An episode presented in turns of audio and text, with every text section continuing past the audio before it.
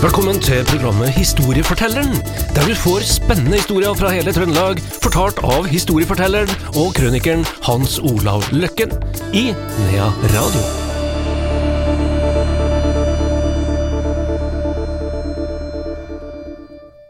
Historiefortelleren her i Nea Radio er tilbake igjen. Det er også Hans Olav Løkken. Velkommen, Hans Olav. Jo, takk, takk. Du har jo reist mye i USA, og du har mange, mange gode venner der. Du har mange bekjente som også har ja, som du har besøkt i din jakt etter de gode og spesielle historiene. Ja. Eh, vi skal til ei sånn ei nå. ja, det skal vi. Det er slekta til eh, ei som heter eh, Jean Marthaler. Hun er opprinnelig eh, ja, Røttene, eller ancestors som vi sier, de er fra Færbygda, Forådalen, som er et dalføre som går opp ved Hegra da. Så hennes folk kommer derfra, og hun har jo vært her i Norge, og er i Norge faktisk talt hvert år.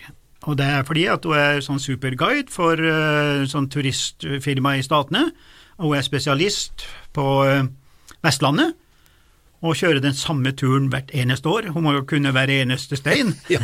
det, er, flombane og rundt Bergen og sånn, og har med seg folk, da. Men uh, hun har fortalt meg da om uh, sine egne, og da skal vi begynne med en fyr en vinterdag i 1865. Han uh, hadde Det var jo midt på vinteren, og det er jo ikke så veldig mye å gjøre midt på vinteren, og i hvert fall ikke på den tida, så han hadde tatt seg en tur innover til en, eh, en av fiskeplassene han hadde, og ville prøve litt isfiske. Så øh, han gikk ned innover, og han hadde til og med tatt med litt papir. Det å stå på papir, eh, Andreas, det er ikke dumt, altså. Den ei avis hun isolerer ganske bra når du står, og husk på den gangen så hadde de ikke de skoene som vi har i dag. Så han visste at den kom til å fryse fra nedentil. Så han hadde med ei gammel avis som han satte, fikk høl på isen og begynte å fiske. Så står han og tenker på alt annet. Han tenker på det de hadde diskutert, om de skulle dra til Amerika eller ikke. Eh, han hadde en eh, fiskeplass som lå litt skjult for et eh, skal vi si, lite halvøy, et lite berg, for å ta imot verste eh, vind og sånn, da. Men så plutselig så fikk han seg en litt sånn karamell, han følte at det ble i kaldeste laget. Han likte ikke vintrene lenger eh, her, og han var, eh, han var en gammel mann. Han var 40 år.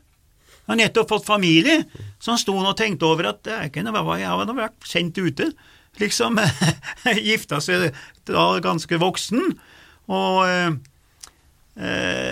han, han følte liksom dette med at vintrene ble så tøffe, han tålte ikke kulden lenger, og brukte det som argument kanskje for å dra, da. Men en skjønte at de kunne ikke dra nå, nå til, øh, om, om, om, våren, da. For det første så sa jo amerikabrevene at krigen ikke var ferdig, til tross for at alle agenter fra, fra øh, de her skipsselskapene de for oppover alle dal før i Norge og sa at krigen var over om 14 dager. Men det stolte de ikke på. Det var Indian Uprise, altså det var jo indianeroppgjøret på den tida, det var de ikke noe begeistra for, og, og de ville se det litt an, da. De var ikke helt enige i familien når de skulle dra.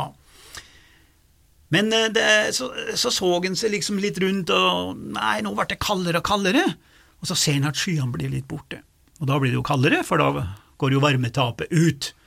Og da eh, fant han ut at nei, her er ikke noe blivende sted. Nei, vi drar til Amerika, bestemte han der og da, da fordi han frøs her. Og eh, pakka sammen, og drar han jo over, og, og, eh, og heim, da. Og da forlater vi han her fyren som heter Ola Larsson Grønseth. da. Vi forlater han, og møter han igjen da noen år seinere, etter de hadde utvandra til Amerika. Og de hadde en sånn etappeutvandring der borte, og slo seg nå ned, da. Og eh, nå må vi huske på hvordan prærien så ut på den tida der. Det var jo ikke tre, vet du. Præriebrann ordna jo opp med det omtrent hvert år. Så når vi er i Amerika i dag, så er det jo klart det at det er jo trær overalt. Langs veiene, de er jo planta overalt, og øh, klynger med trær, og inni klyngene der er jo husene, da. Du ser nesten ikke så gårdene, for de husene inni der. Men før så var det jo ikke, et, ikke en busk, da. Og så var det en dag, da, her i, i, i 1872, da eh, skulle nå ut og, og gjøre noe, arbeid, Og han hadde fire okser. Han var ikke kommet seg bedre enn at de hadde okser. Altså, hvis du kom deg litt, så kjøpte du hester. Og når jeg er på prærien og sånn, og tenker på at jeg kjører en time bein fram, så kan jeg jo tenke på hvor lang tid brukte de her folkene med okse på den, den strekninga. Og, og, det er ikke horisont. Og ingenting å skjule seg bak. Og de visste ikke hva som var rundt svingen i gåsehudene. Kanskje var det ei elv som man bruker kanskje 14 dager på å komme seg over, og så videre og så videre. Det er sånne ting som vi ikke tenker på, men som gjør det utrolig dramatisk hvis du klarer å leve det inn i det. Så skulle han nå ut, da, med de her fire oksene sine, den her eh, februardagen. Og eh, vi vet jo ikke hva som skjedde.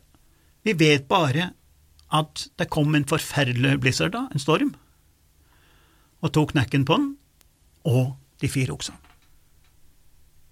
Altså, fire oksene frøs i hjel, og han frøs i hjel ved siden av de her stokkene av tømmer som en kanskje skulle hente one mile, altså under to kilometer unna. Det var ikke lenger. En skulle hente noe, noe, noe, noe, noe, noe, noe greier. Og han fryser i hjel. Fordi at det er ikke noen stand å søke ly mot været. Eh, noen sier jo at hvis en har hester, så kanskje hestene funnet veien hjem igjen. Oksene er kanskje ikke så smart, jeg vet ikke, jeg har ikke noe eh, grunnlag for å si det, men eh, jeg har vel hørt at kanskje oksene står ganske fort stille, og står der, mens hestene søker hjem, da. Så han, han fryser i hæl der borte. Og det var jo en tragedie for familien, for han, og for, for han hadde jo fått flere unger òg. Og eh, det var en vanskelig start for familien i Amerika, forteller hun Jean Martaler her, da. Og så skal jeg ta med en liten sånn sidehistorie som peila det innpå den her eh, med oksen og hvorfor han frøs i hæl. For mange, mange år siden så så jeg en film som het High Road to China, med en skuespiller som het Tom Selleck. Han var vel liksom uh, halvstor skuespiller i Hollywood, da. Og filmen dreier seg om en sånn dobbeltdekker av en flymaskin som skulle fly til Kina. Og de landa jo hvor som helst med disse rare flyene på, på, på 20- og 30-tallet, ikke sant? Og dette var jo i en revolusjonerende tid hvor amerikanerne begynte med mer skal vi si, traktor og, og verden, og den industrielle revolusjonen var jo ferdig for 100 eh, år siden nesten, men ikke oppe i Nepal, vet du. Der de landa, da, Landa på noen sånne hyller oppe i Nepal, og skulle, skulle, skulle sikkert uh, ta en liten hvil eller noe sånt. Og så ser de altså på de her munkene som sitter der, og så ser de ut på eh, markene og rismarkene og alt, eller hva det er for noe, så ser de at det er okser. Okser som går der, vet du. Og så han huska den her scenen hvor han herre Tom Selleck, da, som var den her moderne amerikaneren som kommer med fly, dobbeltdekker og sånn, og så går han opp til munken. Og så sier han liksom til munken hvorfor har du ikke maskin, maskiner, noe moderne stoff her, hvorfor bruker dere okser? sier til munken. Og da tar liksom, du, du ser disse munkene som sitter oppe i Nepal, der vet du, som har sittet og tenkt i 50 eh, år, og som tenker i 50 år før de svarer. Så ser han derre munken bare opp han derre Tom Selleck, og så sier han følgende. Oksene er langsomme, men jorden er tålmodig. Det er steika godt sagt. Det er utrolig godt sagt.